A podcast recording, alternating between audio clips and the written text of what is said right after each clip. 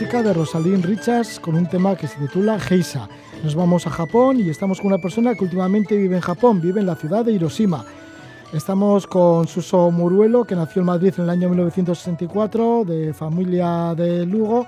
Él ha vivido en muchos sitios, ¿no? En Santiago de Compostela, en Londres, en París, en Basilea, en Guadalajara, en México, en Indianápolis. Es autor de varios libros relacionados con sus viajes por México, por Mongolia, por China, por Japón y Japón constituye su pasión literaria y vital en los últimos años, ya que publicó no hace mucho el libro En el barco Dise, en donde iba a descubrir los escenarios de algunos autores japoneses que le llamaban muchísimo la atención y así visitó 14 prefecturas y entre otros sitios pues visitó Hiroshima y es que no sé qué le ha pasado en Hiroshima que se ha quedado allí, se ha quedado a vivir y ahora publica un libro con el título de Tiempo de Hiroshima. Suso Moruelo, bienvenido, muy buenas noches. Hola, muy buenas noches, muchas gracias. Suso, pues sí, que en los últimos tiempos has cambiado, yo qué sé, tus paseos por, por América o por otros lugares, incluso de, Asia, para quedarte en Japón. ¿Por qué Japón? ¿Te llevó eso, la, afición que tenías a la literatura japonesa, para comprender un poco esa cultura y con el tiempo, pues quedarte allí, para vivirlo pues más? Sí, sí, la, sí, la verdad es que efectivamente lo, el origen de mi viaje fueron las lecturas de novelas japonesas que yo llevaba varios años leyendo y bueno, llegó un momento en que me obsesioné un poco con ese lugar del que yo solo había leído pero no conocía en absoluto y entonces decidí ir allí, decidí ir allí siguiendo lugares que se desarrollaban en las novelas. Y bueno, lo, eh, que sucedió en realidad fue que el país me sorprendió más de lo que yo mismo había, había imaginado y el lugar que más me sorprendió de todos fue Hiroshima, por esa idea un poco triste que solemos tener de esa ciudad, y sin embargo descubrí que era una ciudad llena de alegría y de vitalidad, ¿no? Y ahí, pues, por una serie de razones, primero, fundamentalmente por esta sorpresa, y luego, pues, porque volví enseguida y al volver pues eh, me cambiaron las actividades, los sentimientos, empecé a conocer gente, a hacer amigos y entonces eh, al final en gran medida pues por todas estas posibilidades que descubría en la ciudad pues lo convertí en gran medida en mi hogar. Llegaste a Hiroshima leyendo a Masuji Ibuse, quien escribió sobre la lluvia negra que afectó a la ciudad después de la bomba atómica. Sin embargo, tú al estar ahora en Hiroshima has descubierto otra Hiroshima, ¿no? Una Hiroshima nueva que no se entristece por la bomba atómica, sino que quiere sino que quiere salir de sus cenizas ya desde hace bastante tiempo y es una ciudad como muy vital, incluso alegre. Pues sí, justo, exactamente es lo que dices, es una ciudad vital y alegre. Es cierto que la gente, claro, ya lo de la bomba fue hace mucho tiempo, lo que es que en Occidente a lo mejor tendemos a pensar siempre en la misma idea, en la misma imagen negativa, y por supuesto los japoneses ya lo han abandonado y ya lo han superado, ¿no?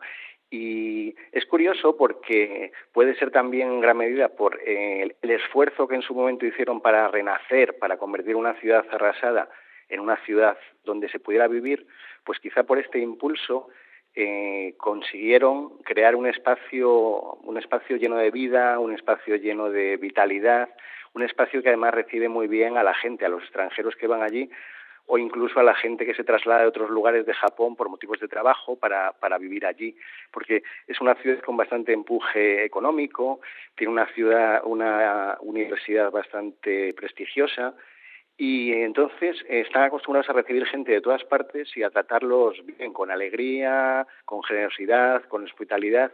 A mí, desde luego, me sorprendió porque aunque el carácter tradicional siga siendo muy japonés, pero sin embargo tienen un espíritu también, de alguna forma podríamos decir como cosmopolita o internacional o abierto, que él hace más fácil para el extranjero o para el visitante de, vaya de donde vaya. ¿Cómo moverse por Hiroshima? Porque debe ser una ciudad bastante amable. ¿A ti te gusta mucho caminar? ¿Te gusta mucho estar en las cafeterías? Porque trabajas mucho también escribiendo tus crónicas desde las cafeterías. Eh, ¿Es una ciudad eso, pues que, que es cómoda para ti? Sí, sí, es una ciudad cómoda porque eh, es una ciudad intermedia, digamos. Por supuesto, no tiene que ver nada con el tamaño de, Tokio o incluso de Osaka, ¿no? Que son mega ciudades, macrourbes, ¿no? Es una ciudad, digamos, de tamaño medio y es una ciudad bastante plana, aunque está rodeada de montañas, que además le confieren un aspecto bastante bonito, pero la ciudad, la mayoría de la ciudad es bastante plana, con lo cual se puede caminar fácilmente. No es una ciudad muy grande. Toda la, zona central se puede recorrer tranquilamente en un par de horas caminando, dos o tres horas caminando lentamente. Y lógicamente para moverse por allí, pues hay una red de tranvías que no hay ya en muchas ciudades japonesas, porque los tranvías lógicamente ocupan un espacio en las calles que las ciudades cuando empiezan a poblarse demasiado, pues no pueden mantener, ¿no? Sin embargo, en Hiroshima, como en parte es por una especie de recuerdo eh, como de carácter propio de la ciudad, pues han mantenido la línea de tranvías. Entonces los tranvías ayudan perfectamente a desplazarse a la gente, aunque no son tan rápidos como otros medios de transporte, como pueda ser el metro. ¿no?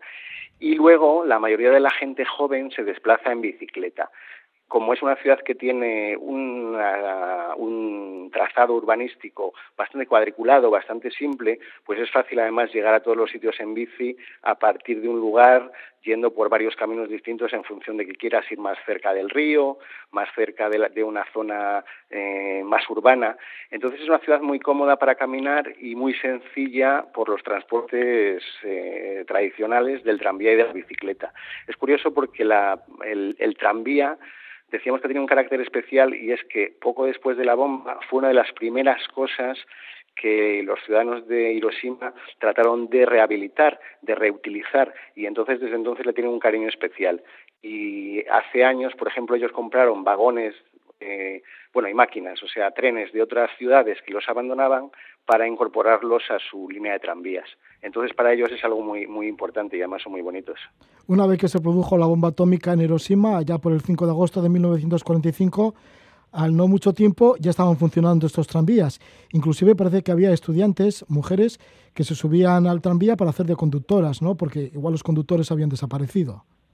Pues sí, sí, justo, efectivamente. Gran parte de la población, entre vamos, no se sabe exactamente, pero vamos, un número, un número altísimo de gente murió lógicamente o quedó, o quedó herida. Eh, las infraestructuras quedaron prácticamente destrozadas, pero curiosamente algunos de los tranvías todavía se podían utilizar simplemente arreglándolos con un poquito de, de esmero y a falta de conductores que pudieran llevarlos, pues las chicas de los institutos que quedaron con vida pues se convirtieron en las conductoras de los tranvías nada más eh, a los dos días de, la bomba, de tal forma que esto significó para ellos una posibilidad, por ejemplo, de llevar gente que estaba herida a hospitales, de transportar gente más cerca de otros familiares y de establecer una especie de pequeña o inicial vía de comunicación dentro de la ciudad cuando todo estaba prácticamente destruido. Por eso le tienen ese cariño especial. Esto en cuanto a los tranvías, pero en el caso de las escuelas, en otoño algunas de las escuelas ya estaban funcionando. Esto ya hemos dicho, aconteció en el verano y a los pocos meses ya estaban funcionando algunas de estas escuelas y muchos jubilados volvieron a dar clases, ¿no? Profesores jubilados volvieron para poner a punto esas escuelas. Sí, sí, justo, efectivamente. Como había mucha gente, lógicamente, eso que, que, se había muerto o que no, que no tenía capacidad física para dar clase, entre ellos muchos profesores, pues algunos de los profesores jubilados que vivían en la zona, lógicamente que se habían salvado, pues acudieron enseguida de forma voluntaria para dar clase en todas las escuelas, de tal forma que la ciudad, todas las escuelas que tenía, las que se las algunas que quedaron o las que se reconstruyeron o las que se hicieron nuevas, pues todas tenían incluso tres turnos para que todos los niños y los jóvenes pudieran ir a estudiar, de tal forma que había profesores por la mañana, por la tarde y hasta por la noche, para que nadie se quedara sin escolarización y con independencia de que tuviera que ayudar en su casa o hacer algún trabajo o lo que fuera, pudiera tener una oportunidad para ir a clase con estos profesores jubilados que de forma voluntaria se apuntaron para como una especie de apoyo además a la, a la ciudad.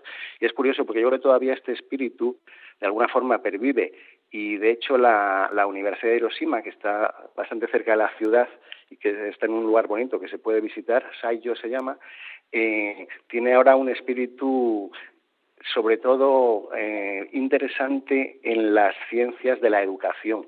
Las ciencias de la educación son sus ramas principales de estudio y a mí me contaron que en gran medida se debía a ese carácter de entonces, de cuando la gente en la ciudad, los profesores voluntarios y todo el mundo deseaba poder continuar haciendo vida normal y una forma de hacer vida normal era que los niños pudieran continuar yendo a la escuela.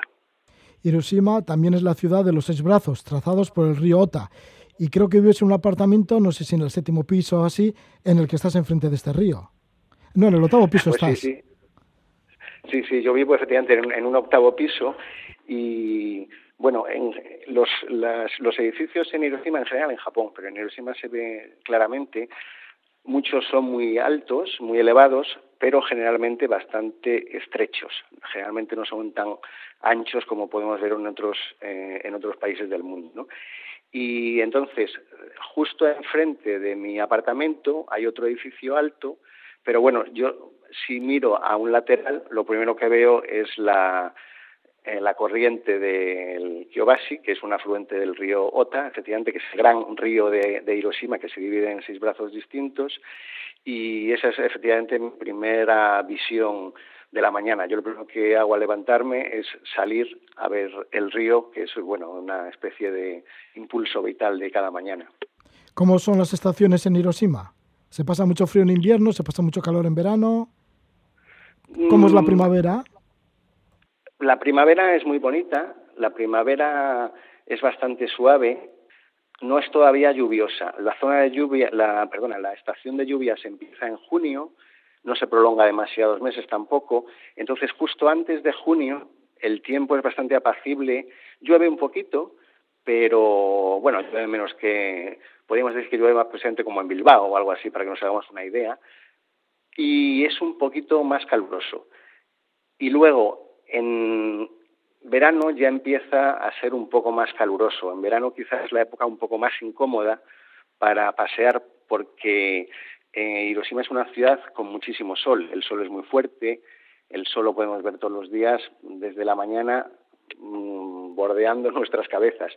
Y eh, yo creo que las épocas, las estaciones más bonitas son la primavera y el otoño no solo porque la temperatura es la mejor, es una temperatura óptima para, para caminar, para pasear por la ciudad sin demasiado calor y sin demasiada lluvia, sino porque el paisaje es precioso también, porque en Hiroshima lo que se hizo fue eh, plantar eh, infinidad, miles y miles de árboles para lo que había sido una ciudad de cenizas, convertirlo en una especie de lugar de naturaleza. Entonces es una ciudad preciosa, es una ciudad bonita para pasear y luego tiene muchos parques y a las afueras de la ciudad eh, zonas naturales donde se pueden ver la floración de los árboles en primavera y en otoño se pueden ver todos los colores eh, de los arces, por ejemplo, rojos, que son preciosos, y de otras especies. Entonces, estas dos estaciones son, yo creo que las más eh, sorprendentes, las más agradables para el visitante. Susoy, ¿te has podido hacer una idea de qué sucedió al poco de que explotó la bomba atómica en Hiroshima? Bueno, al poco, a los días posteriores. ¿Te han ido contando testimonios de la gente del lugar?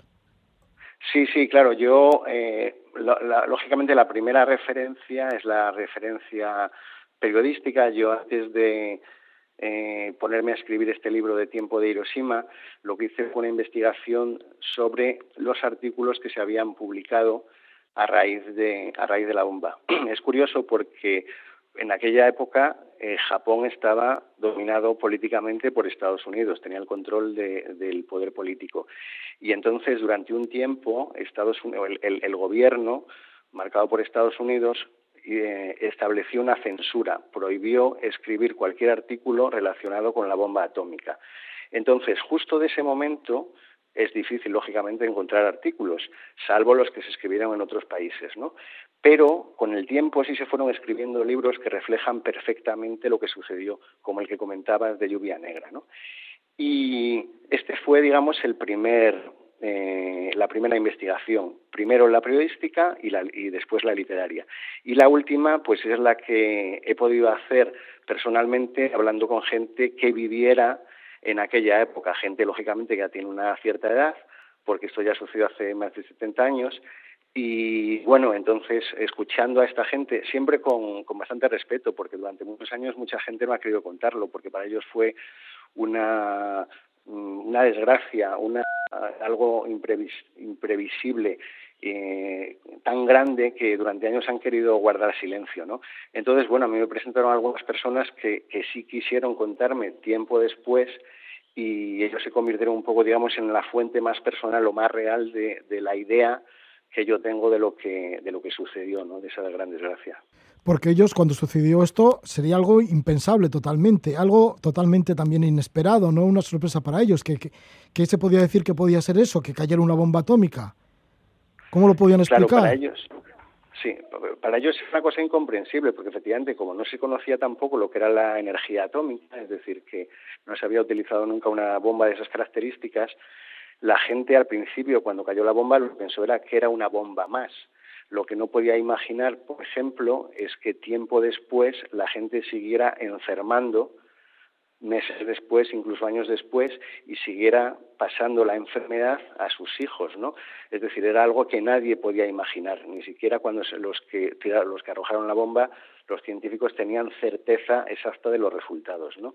Entonces, para ellos era imaginable. Y luego, digamos que eh, físicamente o visualmente el impacto fue una especie de grandísima luz. Por ejemplo, un hombre mayor me contaba que él era un niño, claro, él pensó que era una especie de relámpago gigante, un relámpago, decía él, como nunca había visto. Entonces, eh, para ellos fue algo nunca visto, nunca imaginado.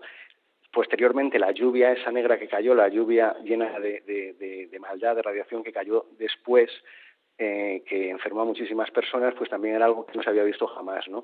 Entonces, para ellos fue algo no solo que no pudieran imaginar, sino que tampoco pudieran conocer los verdaderos efectos, el verdadero alcance de lo que sucedió. Suso, pues muchas gracias por habernos hablado de Hiroshima, de esa Hiroshima después del bombardeo y de la Hiroshima actual, ¿no? Esa Hiroshima en la que tú mismo vives, en un octavo piso. Has hecho tus crónicas en las cafeterías, has ido escribiendo y ahora aparece este libro, Tiempo de Hiroshima que lo edita la línea del horizonte. Suso, que es curioso que ahora te encuentras en Extremadura y que has cambiado por unos meses eh, estar en Hiroshima por ir a visitar pueblitos muy pequeñitos de, España, ¿no? Has estado en el Pirineo Ostense, también en Sierra Morena y ahora pues en Cáceres. Sí, sí, efectivamente. Estoy por aquí en un pueblito precioso cerca de, relativamente cerca de Trujillo. Estoy ya acabando mi estancia aquí ya preparado para volver a Japón, pero sí, sí, ahora mismo estoy aquí en estos pueblitos y luego ya cuando eh, mi plan es regresar a Hiroshima y ya empezar a escribir, a redactar un poco allí mi estancia en estos lugares pequeños también, eh, para contar un poco cómo vive la gente en pueblos pequeños de menos de 100 habitantes y cuál es mi propia visión, mi propia relación ante estos lugares pequeños ya sabremos de ello. Bueno, pues ya te esperamos a tu regreso, pero bueno, que te vaya ahora muy bien por Hiroshima, que te está esperando. Gracias, ¿eh? Pues muchísimas gracias, un abrazo.